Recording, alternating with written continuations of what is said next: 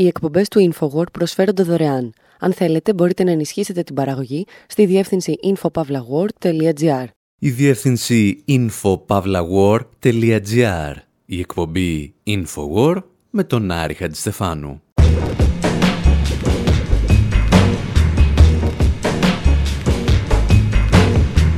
όπου σήμερα αναρωτιόμαστε εάν η ρωσική εισβολή στην Ουκρανία θα μπορούσε να πυροδοτήσει μια νέα αραβική άνοιξη. Και απαντάμε ναι, αλλά δεν είναι αυτό που νομίζετε. Παρακολουθούμε τις διεθνείς τιμές των τροφίμων και διαπιστώνουμε ότι είναι φτιαγμένες από τα υλικά που γεννούν τις εξεγέρσεις και τις επαναστάσεις. Μερικές φορές όμως απλώς οδηγούν στην πείνα και το λοιμό. Θυμόμαστε ότι για ένα από τα μεγαλύτερα κύματα λαϊκών κινητοποιήσεων στον αραβικό κόσμο ευθύνονταν και τότε η Ρωσία, χωρίς όμως να το καταλάβει και χωρίς ίσως να το θέλει.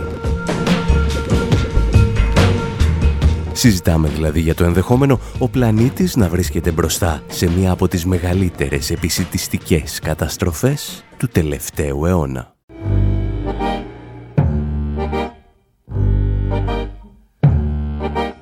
gentlemen who think you have a mission to purge us of the seven deadly sins should first sort out the basic food position, then start your preaching. That's where it begins. Your lot who preach restraint and watch your waist as well should learn for once the way the world is run. However much you twist, or whatever lies that you tell, food is the first thing. Morals follow on. So first make sure that those who are now starving get proper helpings when we all start carving. What keeps mankind alive? What keeps mankind alive? The fact that billions are daily tortured, stifled, punished, silenced, and oppressed. Mankind can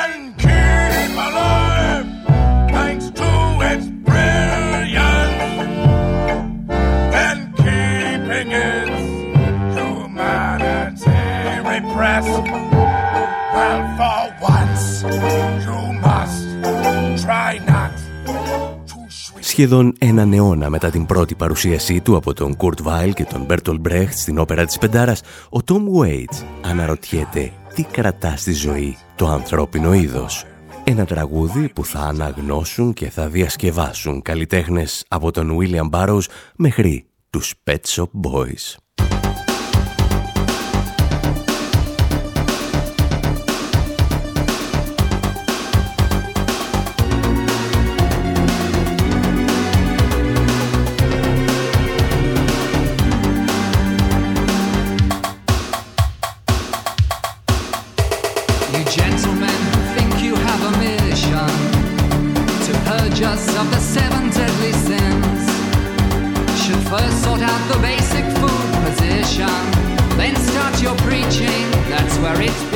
Οι στίχοι μπαίνουν απευθεία στην ουσία του ζητήματος. Εσείς κύριοι λέει που νομίζετε ότι έχετε αποστολή να μας σώσετε από τα επτά θανάσιμα αμαρτήματα πρέπει πρώτα να ξεκαθαρίσετε το ζήτημα της τροφής και ύστερα να αρχίσετε τα κήρυγματά σας γιατί το φαγητό έρχεται πρώτο και ύστερα ακολουθεί η ηθική. Και αμέσως μετά οι στίχοι μας οδηγούν στο σημαντικότερο ερώτημα τι κρατά ζωντανό το ανθρώπινο είδος; Και η απάντηση είναι ζωώδεις πράξεις. Οι σκέψεις του Μπρέχτ για το φαγητό και τις ζώδεις πράξεις που προκαλεί η αναζήτησή του θα έπρεπε να έχουν τεθεί μετεπιτάσεως τις προηγούμενες ημέρες όταν ο Γενικός Γραμματέας του ΟΗΕ, Αντώνιο Γκουτέρες, στάθηκε μπροστά σε ένα μικρόφωνο και με αφορμή τη φωνική εισβολή της Ρωσίας στην Ουκρανία είπε τις παρακάτω κουβέντες. While war reigns over Ukraine, A sword of Damocles hangs over the global economy, especially Καθώς ο πόλεμος μαστίζει την Ουκρανία, μια δαμόκλειος πάθη κρέμεται πάνω από την παγκόσμια οικονομία, ειδικά στον αναπτυσσόμενο κόσμο. Καθώς μιλάμε, βομβαρδίζεται ο σιτοβολώνα τους. Η Ρωσία και η Ουκρανία αντιπροσωπεύουν περισσότερα από τη μισή παγκόσμια παροχή ηλιελαίου και περίπου το 30% του παγκόσμιου σιταριού. Μονάχα η Ουκρανία παρέχει περισσότερη από τη μισή παροχή σιταριού του παγκόσμιου επισητιστικού προγράμματος. Οι τιμές των τροφίμων, των καυσίμων και των λοιπασμάτων έχουν εκτοξευτεί. Οι εφοδιαστικές αλυσίδες διακόπτονται. Το κόστος και καθυστερήσεις της μεταφοράς εισαγόμενων ειδών όταν αυτά είναι διαθέσιμα βρίσκονται σε επίπεδα ρεκόρ. Όλα αυτά πλήττουν πιο σκληρά τους φτωχότερους και σπέρνουν τους πόρους της πολιτικής αστάθειας και αναταραχής σε ολόκληρο τον πλανήτη. Οι τιμές των σιτηρών έχουν ήδη ξεπεράσει εκείνες της έναρξης της Αραβικής Άνοιξης και των εξεγέρσεων για τα τρόφιμα του 2007-2008. 45 αφρικανικές και άλλες ελάχιστα αναπτυγμένες χώρες εισάγουν τουλάχιστον το 1 τρίτο των σιτηρών τους από την Ουκρανία ή τη Ρωσία. 18 από αυτές τις χώρες εισάγουν τουλάχιστον το 50%. Σε αυτές συμπεριλαμβάνονται χώρες όπως η Μπουρκίνα Φάσο, η Αίγυπτος, η Λαϊκή Δημοκρατία του Κονγκό, ο Λίβανος, η Λιβύη, η Σομαλία, το Σουδάν και η Εμένη. Egypt, Democratic Republic of the Congo, Lebanon, Libya, Somalia, Sudan and Yemen.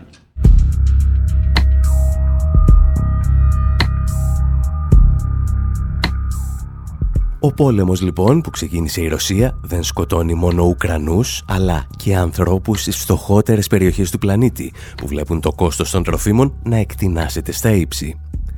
Και αυτοί οι άνθρωποι που θα πεθάνουν από την πείνα ενδέχεται δυστυχώς να είναι περισσότεροι ακόμη και από αυτούς που θα πεθάνουν από τους βομβαρδισμούς στην Ουκρανία. Ο Γκουτέρες όμως, αν προσέξατε, είπε και κάτι ακόμη ότι οι ελλείψεις τροφίμων και φυτοφαρμάκων θα προκαλέσουν πολιτική αστάθεια και ταραχές σε όλο τον κόσμο. Και αυτός ήταν, αν θυμάστε, ο λόγος που πριν από σχεδόν μία δεκαετία ένας άνθρωπος πήρε φωτιά. Στις 17 Δεκεμβρίου του 2010, ο Μοχάμετ Μπουαζίζη, ένας μικροπολιτής στην Τινησία, βάζει φωτιά στον εαυτό του και μαζί σε ολόκληρο τον αραβικό κόσμο. Η Αραβική Άνοιξη έχει μόλις ξεκινήσει και ο τινήσιος ραπέρ El General γράφει τη μουσική που θα συνοδεύσει την Επανάσταση.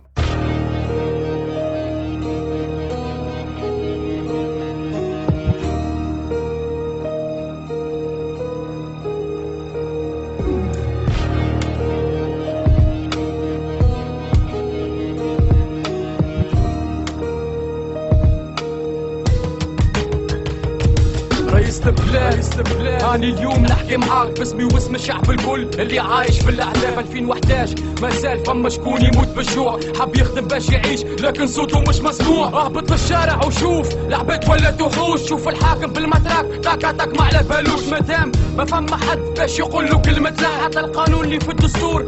نفخه وشرب ماه كل نهار نسمع قضية. ركبوها له بالسيف برطال حاكم يعرف اللي هو عبد نظيف نشوف في اللحلش تهرب في نسال ما تحاجبين زعما ترضى لبنتك عارف في كلامي بك العين. عارف مدامك بو ما ترضاش الشر لصغارك. الور هذا ميساج عبارة واحد من صغارك. يحكي معاك من فرنسا أنا عايشين كل كلاب. باش ترى الشعب عايشين الذل وذاقوا من كاس عذاب رئيس البلاد شعبك مات برشا عباد من زبلة ثلاثة هاكا تشوف اش قاعد صاير في البلاد. مآسي باردو ناس ما قادش فين تبات. هاني نحكي باسم الشعب اللي ظلموا واللي داسوا بالصريح بلاد شعبك مات برشا عباد من زبلة ثلاثة هاكا تشوف اش قاعد صاير في البلاد مآسي باردو ناس ما قادش فين تبات هاني نحكي باسم الشعب اللي ظلموا واللي داسوا بالصريح وطني يحكي من غير خوف Τα τραγούδια της εποχής εκφράζουν την οργή για το απολυταρχικό καθεστώς του δικτάτορα Μπεν Αλή, ενός ακόμη επιφανούς μέλους της σοσιαλιστικής διεθνούς. Όλοι όμως καταλαβαίνουν ότι η σπίθα που επέτρεψε να εκφραστούν τα αιτήματα για ελευθερία και ανθρώπινα δικαιώματα ήταν η ανάγκη για φαγητό. Ο Μπουαζίζη ήταν ένας μικροπολιτής που πέρασε όλη του τη ζωή σπουδάζοντας σε πανεπιστήμια για να καταλήξει να μην δικαιούται ούτε μία θέση να πουλά φρούτα και λαχανικά. Η αυτοκτονία του ήταν μια πράξη οικονομικής απελπισίας η οποία μετατράπηκε σε πολιτικό μήνυμα.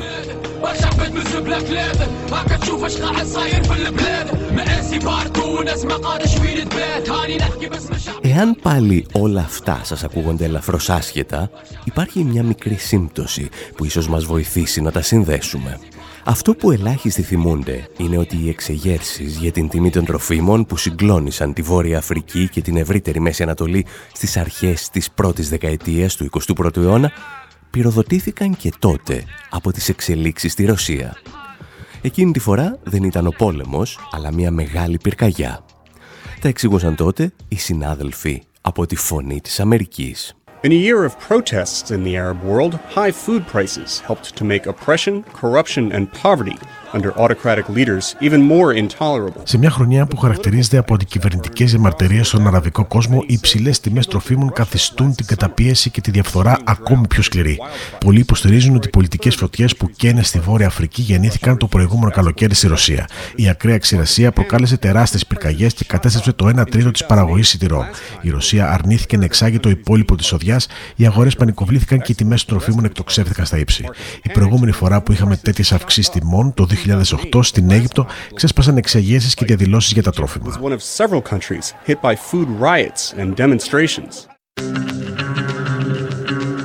Η εξήγηση της φωνής της Αμερικής εντοπίζει το πρόβλημα, αλλά χάνει μια σημαντική λεπτομέρεια.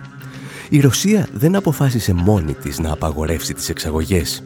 Είχε προηγηθεί μια γιγαντία επιχείρηση λόμπι από εταιρείες όπως η Glencore, οι οποίες ελέγχουν το εμπόριο τροφίμων και κερδοσκοπούν ασύστολα από τις ελλείψεις που προκαλούνται σε αυτό. Και αυτή η παρατήρηση μας φέρνει ακόμη πιο βαθιά στην καρδιά του προβλήματος σχετικά με τις ελλείψεις τροφίμων και τις εξεγέρσεις που μπορεί να προκαλέσουν. Μια συζήτηση στην οποία δυστυχώς, συνήθως, κυριαρχούν φιλελεύθερα επιχειρήματα που μας απομακρύνουν από την πραγματικότητα. Και για να σας εξηγήσουμε τι ακριβώς εννοούμε, θα χρειαστούμε τη βοήθεια ενός Γάλλου ράπερ.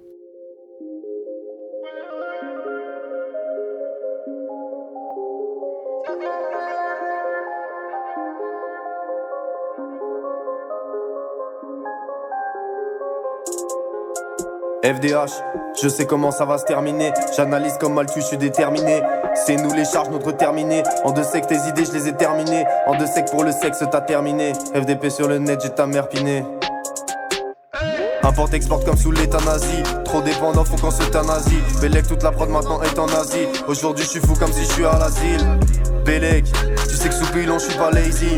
Est-ce que j'ai déjà bien vécu? En tout cas, si je meurs, j'ai des cicatrices. Ils capent dans leur son, ils ont réussi qu'actrice. Ta petite ça arrive pas à compter jusqu'au nombre de sons que je connais par cœur. Dans les sciences fort comme par cœur, dans le sport fort comme par cœur. Des sons qui puent le caca, on te gifle pas juste par cœur. Je me balade dans la city, le repère des racistes. Fuck la vive Carter, et le rôle un hyper-terre. Que hauteur vivre par terre, que total vive la terre. Et ce mon frère il vous prend tout sa FIFA? Ma mère peur les soirs car je suis souvent sous effet. Je fais ça pour ma conscience pour en faire la mifa. Éclairer vos auras pour ensemble faire la difa. PVP, je suis précis comme Uber. Je dans la ville sur ma roue et je rentre pas en Uber. Loyal et féroce comme Uber. C'est pour l'humain que chaque jour est mon combat. C'est pour l'humain que depuis des années je découpe. Hey, Vovo dans la popo, taga dans le poro, Bélec à la popo. Bélec j'entends côte-côte. Y'a ceux qui sucent et ceux qui boycottent. Ο FDAS θίγει δεκάδες ζητήματα τα οποία δεν έχουν αναγκαστικά ιδιαίτερη σχέση μεταξύ τους. Ξεκινά όμως με μια αναφορά στον Τόμας Ρόμπερτ Μάλθους και τις καταστροφολογικές προβλέψεις του για το μέλλον του πλανήτη μας. Και το γεγονός ότι ένας Γάλλος ράπερ ασχολείται σήμερα με έναν φιλόσοφο που έζησε από τα μέσα του 18ου αιώνα μέχρι τις τρεις πρώτες δεκαετίες του 19ου αιώνα δεν είναι τόσο καλό όσο ακούγεται.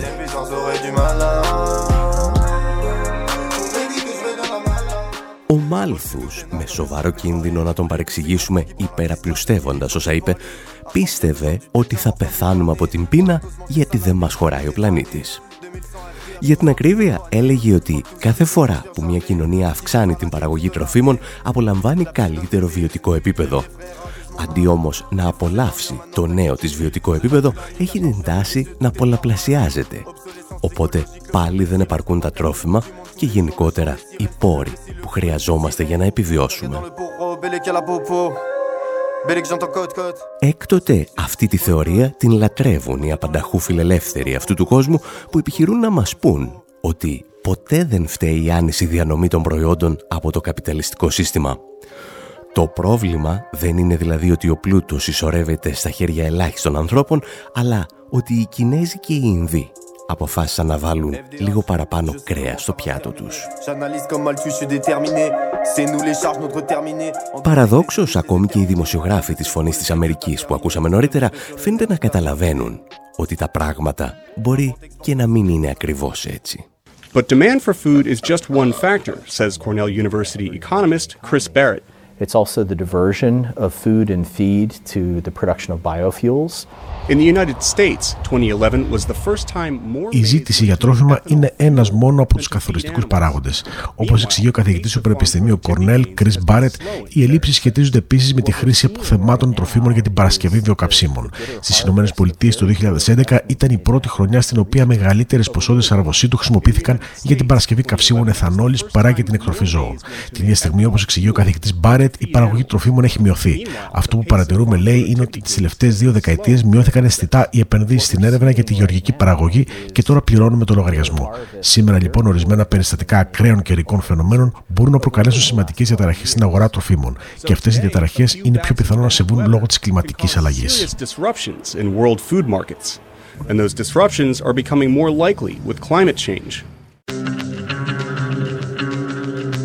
Για το γεγονός λοιπόν ότι η παγκόσμια αγορά τροφίμων γίνεται όλο και πιο ασταθής δεν φταίει ο Κινέζος που έβαλε λίγο παραπάνω τσίτσι στο πιάτο του, αλλά δομικότερα προβλήματα. Ποια είναι αυτά; Η κερδοσκοπία στην αγορά τροφίμων, η καταστροφή αραβόσιτου για βιοκαύσιμα και η κλιματική κρίση, για την οποία ευθύνονται, μαντέψτε, οι κερδοσκόποι και τα καύσιμά τους. Και όλα αυτά τα δομικά προβλήματα γίνονται ορατά ύστερα από πολέμους ή ακραία καιρικά φαινόμενα. Και αυτή είναι μόνο η εικόνα από την πλευρά της παραγωγής. Γιατί ένα μεγάλο τμήμα του προβλήματος σχετίζεται με την κατάσταση στην οποία έχουν βρεθεί οι χώρες καταναλωτές. Τα εξηγούσε παλαιότερα ο Ραζ Πάτελ, πρώην αξιωματούχος της Παγκόσμιας Τράπεζας. Ένας από τους λόγους για τους οποίους βλέπουμε εξεγέρσεις για τρόφιμα είναι ότι οι χώρες που πλήττονται, από την Αετή και τη Σενεγάλη μέχρι την Ινδία, είναι εγκλωβισμένες σε ένα διεθνές οικονομικό σύστημα που τις αναγκάζει να εισάγουν τρόφιμα. Αυτό οφείλεται στην πολιτική χωρών όπως οι Ηνωμένες Πολιτείες, που εξαναγκάζουν άλλες χώρες να μειώσουν τους δασμούς και την προστασία των αγροτών. Βλέπουμε λοιπόν ότι οι χώρες με το μεγαλύτερο πρόβλημα είναι αυτές που υιοθέτησαν με μεγαλύτερο ενθουσιασμό το ελεύθερο εμπόριο.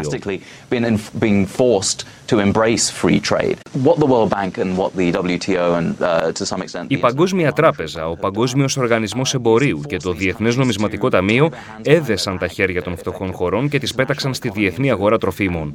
Όταν λοιπόν οι τιμές των τροφίμων αυξάνονται, αυτές οι χώρες δεν έχουν πλέον σχεδόν κανένα μέσο να προστατεύσουν τον εαυτό τους οικονομικά.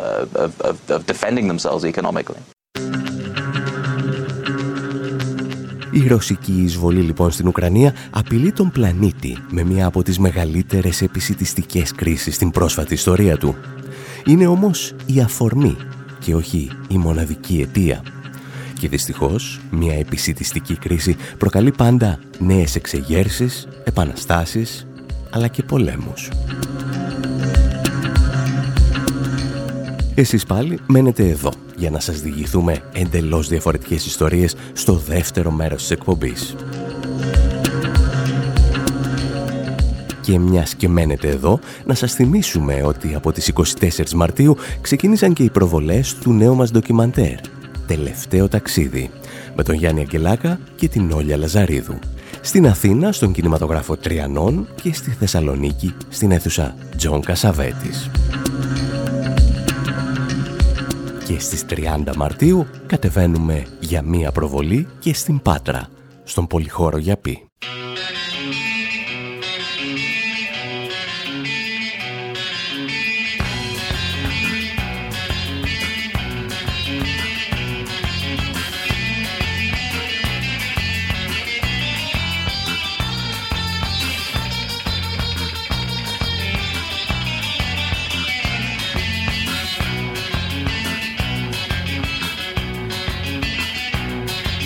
Sorry, but you're no longer needed or wanted or even cared about here. Machines can do a better job than you, and this is what you get for asking questions.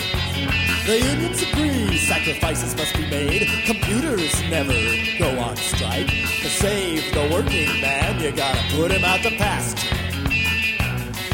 Looks like we have to let you go. Doesn't it feel fulfilling to know that you, the human being, are now obsolete? Nothing in hell will let you do about it. Soup good food. You make a good meal. How does it feel to the shit out of ass and thrown in the cold like a piece of trash?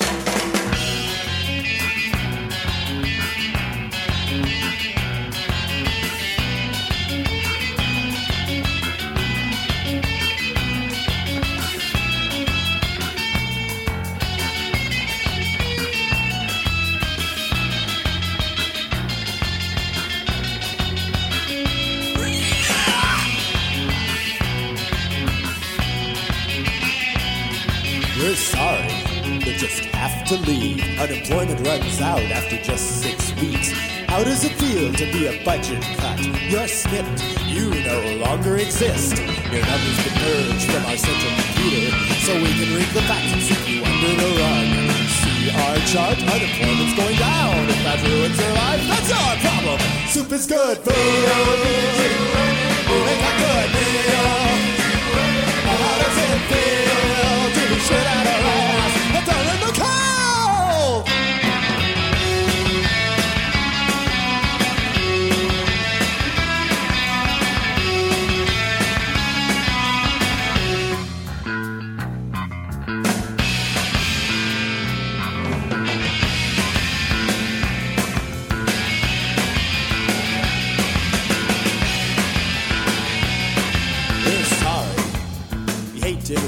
it's against the law to jump off this bridge. You'll just have to kill yourself somewhere else. A tourist might see you, and we wouldn't want that. I'm just doing my job, you know. So say uncle, and we'll take you to the mental health zoo. Force feed you mind melting chemicals till even the outside world looks great. High tech science research labs. It costs too much to bury all the dead. The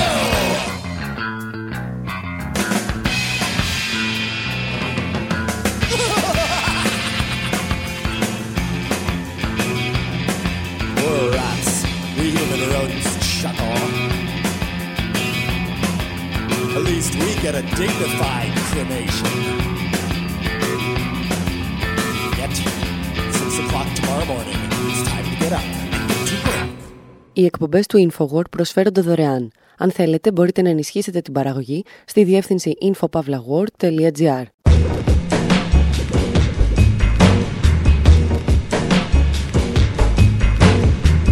όπου σήμερα συζητάμε για ένα αστυνομικό τμήμα στο μεταβιομηχανικό Detroit, το οποίο ετοιμάζεται να απεργήσει.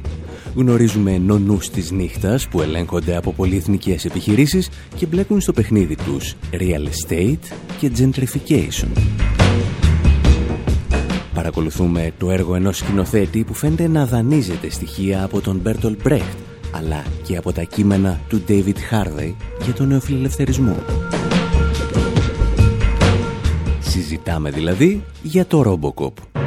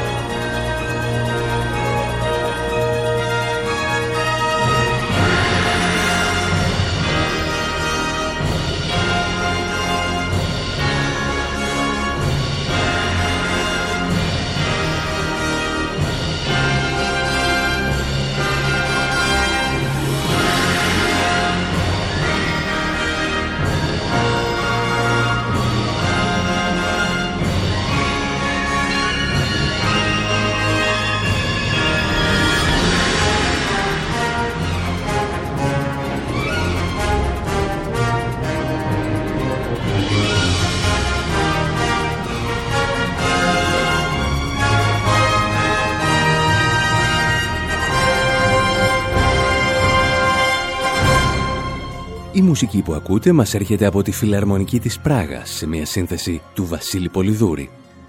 Και αν το παίζετε τζόβενα και κάνετε ότι δεν καταλαβαίνετε τι σας θυμίζει, είναι το μουσικό θέμα από την ταινία Robocop που κυκλοφόρησε στις αίθουσες πριν από 30 χρόνια.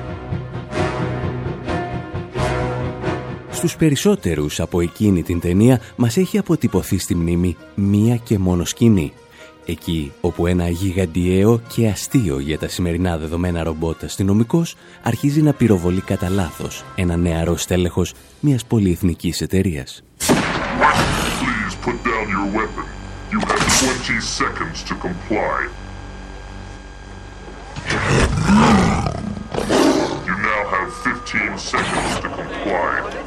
You are in direct violation of Penal Code 113, Section 9.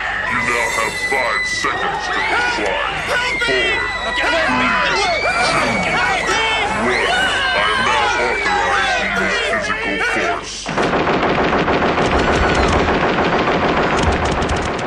Ο σκηνοθέτης Πολ Βερχόφεν, που τώρα τον τιμάμε όλοι εμείς οι κουλτουριάριδες για την ταινία του «Ελ», στο Robocop μας έδινε μία από τις πιο αιματοβαμένες σκηνές του Hollywood για τη δεκαετία του 80.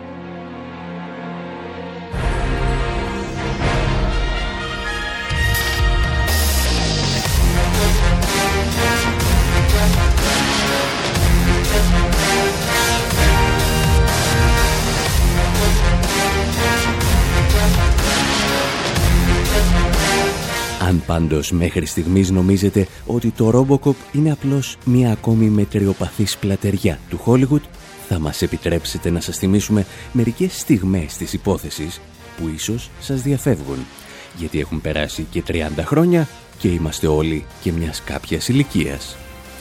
Όλα, αν θυμάστε στην ταινία, ξεκινούν με ένα δελτίο ειδήσεων.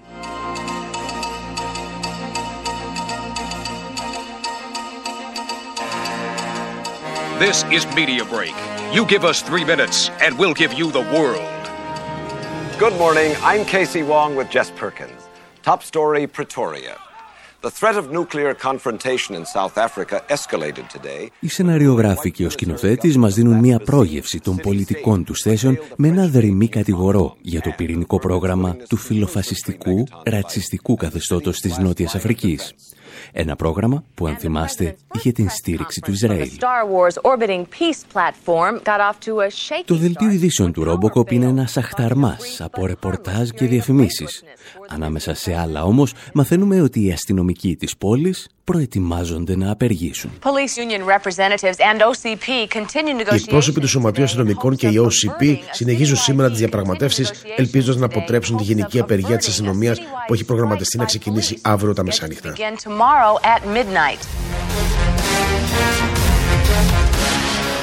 Ο λόγος για τον οποίο οι αστυνομικοί απεργούν είναι γιατί η αστυνόμευση της πόλης έχει ιδιωτικοποιηθεί και ελέγχεται από έναν πολυεθνικό όμιλο επιχειρήσεων, την Omni Consumer Products, γνωστή ως OCP. Τα εξηγούσαν όμως πολύ καλύτερα τα ίδια τα στελέχη της OCP. As you know, we've entered into a contract with the city to run local law enforcement. Όπως γνωρίζετε, ανάλαβαμε τη διοίκηση των τοπικών οργάνων δημόσιας τάξης. Ωστόσο, σε θέματα ασφαλείας, θεωρούμε ότι μια ικανή αστυνομία δεν αποτελεί παρά μέρος της λύσης. Χρειαζόμαστε κάτι περισσότερο. Ένα όργανο της τάξης σε υπηρεσία 24 ώρες το 24ωρο. Ένα όργανο που δεν χρειάζεται ύπνο ή τροφή. Ένα όργανο με ευέλτιστη ισχύ πυρός και αντίστοιχα αντανακλαστικά. Αγαπητοί συνάδελφοι, με χαρά σας παρουσιάζω το μέλλον της στήριξης της δημόσιας τάξης. of law enforcement. Αυτό που προτείνει η OCP είναι η δημιουργία ρομπότ που θα αντικαταστήσουν σταδιακά τους αστυνομικούς. Η εταιρεία έχει ήδη αρχίσει να υποβαθμίζει τις παρεχόμενες υπηρεσίες αφήνοντας την αστυνομία υποστελεχωμένη παρά το γεγονός ότι η εγκληματικότητα αυξάνεται. Three dead police officers, one critically injured. Τρεις νεκροί αστυνομικοί και ένας βαριά τραυματισμένος. Το Σωματείο Αστυνομικών κατηγορεί την OCP, την εταιρεία που πρόσφατα υπέγραψε σύμβαση με την τοπική αυτοδιοίκηση για να χρηματοδοτεί και να διοικεί την αστυνομία του Detroit.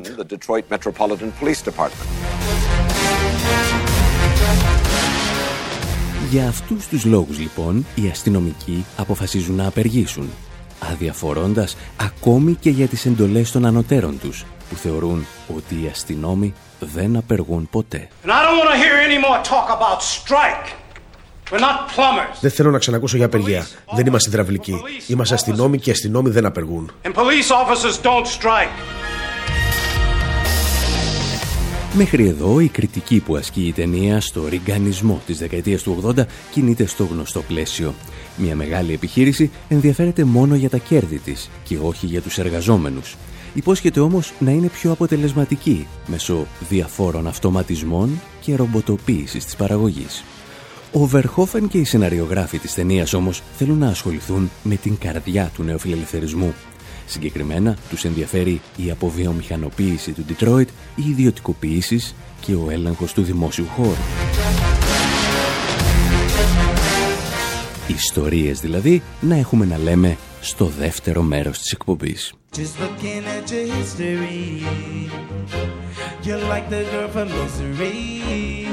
She said she ain't take it to this degree. Well, let's agree to disagree. Shorty kinda crazy, but it turned me on. Keep it up enough to keep it going on. I told her it's some things she don't need to know. She never let it go. Oh, okay, okay, okay,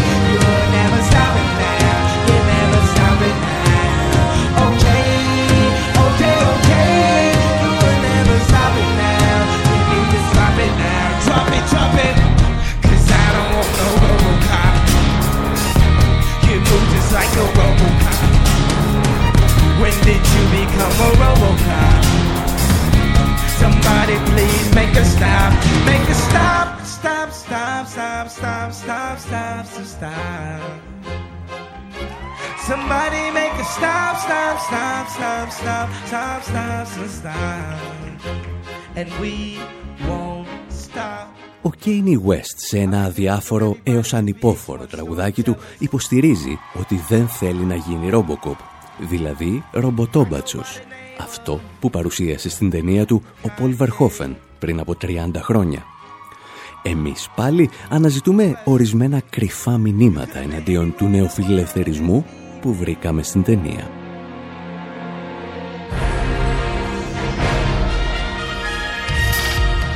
Το Robocop, αν θυμάστε, διαδραματίζεται στο όχι και τόσο μακρινό μέλλον του μεταβιομηχανικού Detroit, με φόντο τα εγκαταλελειμμένα εργοστάσια της πόλης. Και σε αυτή την πρόβλεψη ο Βερχόφεν έπεσε απόλυτα μέσα, αφού το Detroit πραγματικά χρεοκόπησε. Σε αυτή την πόλη λοιπόν οι τοπικοί άρχοντες αποφασίζουν να ιδιωτικοποιήσουν την αστυνομία και αυτή η προφητεία επιβεβαιώθηκε μερικές δεκαετίες αργότερα, όταν η κυβέρνηση Bush ανέθεσε στην εταιρεία μισθοφόρων Blackwater την αστυνόμευση της Νέας Ορλεάνης μετά τον τυφώνα Κατρίνα. Το ερώτημα που θέτει βέβαια η ταινία είναι γιατί μια ιδιωτική επιχείρηση να θέλει να αποκτήσει τον έλεγχο της αστυνομίας, δηλαδή μια μη κερδοφόρο δραστηριότητα; Τα ίδια τα στελέχη της εταιρείας πάντως φαίνεται να μην ανησυχούσαν καθόλου. Take a close look at the track record of this company. And you'll see that we have gambled Εξετάστε τα δεδομένα της ιστορικής εξέλιξης τη εταιρείας. Θα δείτε ότι ρισκάραμε επενδύοντας σε αγορές που παραδοσιακά θεωρούνται μη κερδοφορές. Σε νοσοκομεία, σε φυλακές, στην εξερεύνηση του διαστήματος. Εγώ λέω ότι καλές business είναι εκεί που τις βρίσκεις.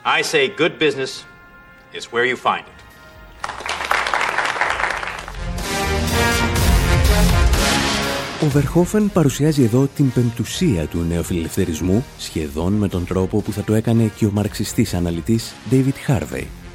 Εκεί που έλεγε ότι πρωταρχικός στόχος του νεοφιλελευθερισμού είναι να δημιουργήσει νέα πεδία συσσόρευσης κεφαλαίου σε τομείς που μέχρι πρότινος δεν ανήκαν στη σφαίρα της κερδοφορίας.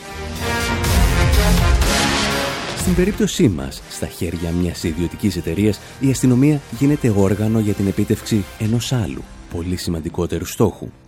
Τα εξηγούσαν όμως και πάλι τα στελέχη της OCP στην ταινία Robocop. friends, I've had this dream for more than a decade now. Φίλοι μου, έχω ένα όνειρο εδώ και πάνω από μια δεκαετία. Ένα όνειρο που σας προσκαλώ να μοιραστείτε μαζί μου. Σε ένα εξάμεινο ξεκινούμε την οικοδόμηση της Delta City, στη θέση του παλιού Detroit. Το παλιό Detroit έχει καρκίνο. Ο καρκίνος του λέγεται έγκλημα και πρέπει να ξεριζωθεί πριν προσλάβουν τα 2 εκατομμύρια εργατών που θα αναγεννήσουν την πόλη. Οι αλλαγές στη φορολογία δημιούργησαν ιδανικές συνθήκες για την ανάπτυξή μας. Αλλά οι δημόσιες υπηρεσίες, αναφέρομαι στα όργανα της τάξης, υποβιβάστηκαν. Νομίζω πως είναι ώρα να δώσουμε κάτι πίσω στην κοινωνία.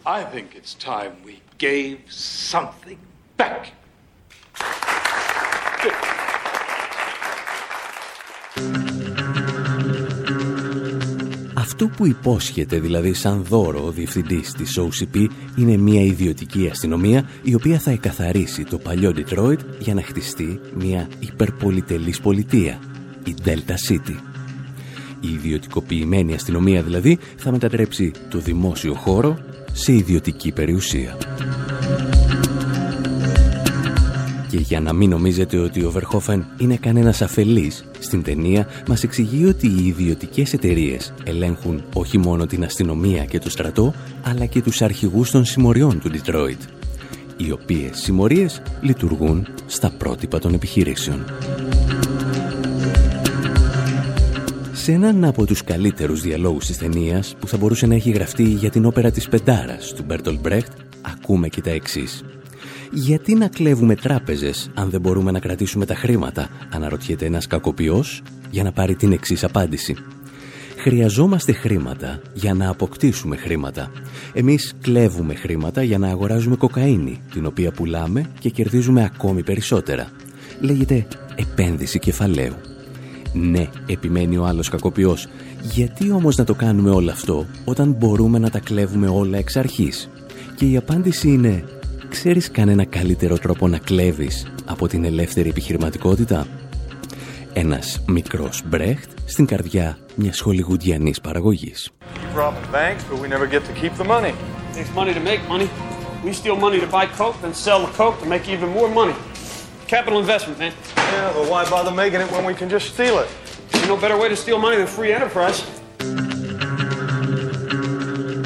Για να επανέλθουμε όμως στα δικά μας, αυτό που γίνεται ουσιαστικά στο Robocop είναι μια χοντροκομμένη μορφή gentrification.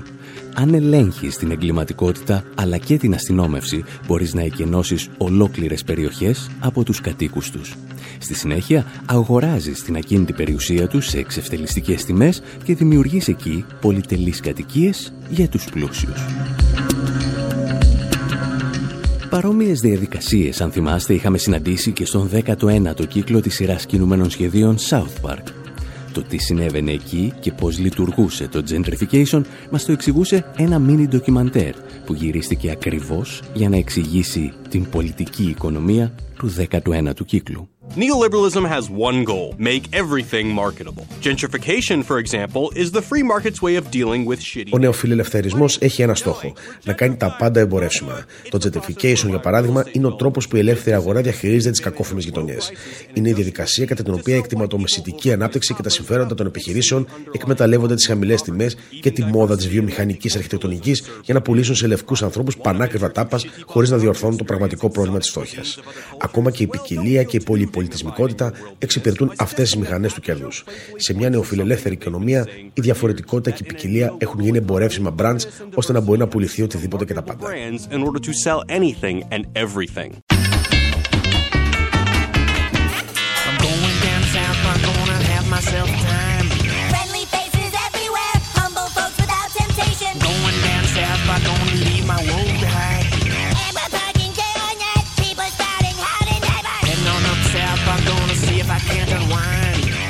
Με διαφορά τριών δεκαετιών λοιπόν, δύο προϊόντα της βιομηχανίας του θεάματος, το Robocop και το South Park, μας εξηγούν πώς λειτουργεί το real estate στα χρόνια του νεοφιλελευθερισμού.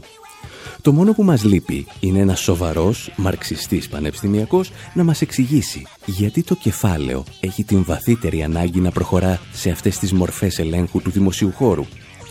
Και αφήσαμε το δύσκολο αυτό έργο στον David Harvey. So the stabilization of global capitalism has been actually accomplished by a massive urbanization process.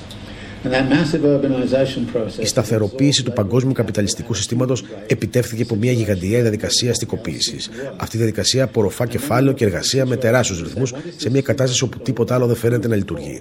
Ύστερα, βέβαια, θέτει το ερώτημα: Γιατί γίνονται όλες αυτές οι επενδύσεις; Στην πραγματικότητα, οικοδομούμε πόλεις ώστε να μπορούμε να επενδύουμε σε αυτές και όχι για να ζούμε σε αυτές. Ενώ λοιπόν οι φτωχοί δεν μπορούν να βρουν φτηνές κατοικίες, χτίζουμε πολυτελή διαμερίσματα για τους πλούσιους. Ακόμη και αυτοί όμως δεν ενδιαφέρονται να ζουν εκεί, αλλά απλώς να παρκάρουν τα κεφαλαία τους. Αν θέλεις να ξεπλύνεις τα χρήματα που διαθέτεις, η αγορά κατοικίας είναι ο καλύτερος τρόπος. Μου αρέσει πολύ να περπατάω στη Νέα Υόρκη και να κοιτάζω σε ποια από τα ψηλά κτίρια υπάρχουν αναμένα φώτα μετά τις 8 το βράδυ. Τα περισσότερα είναι σκοτεινά, που σημαίνει ότι κανένας δεν μένει εκεί.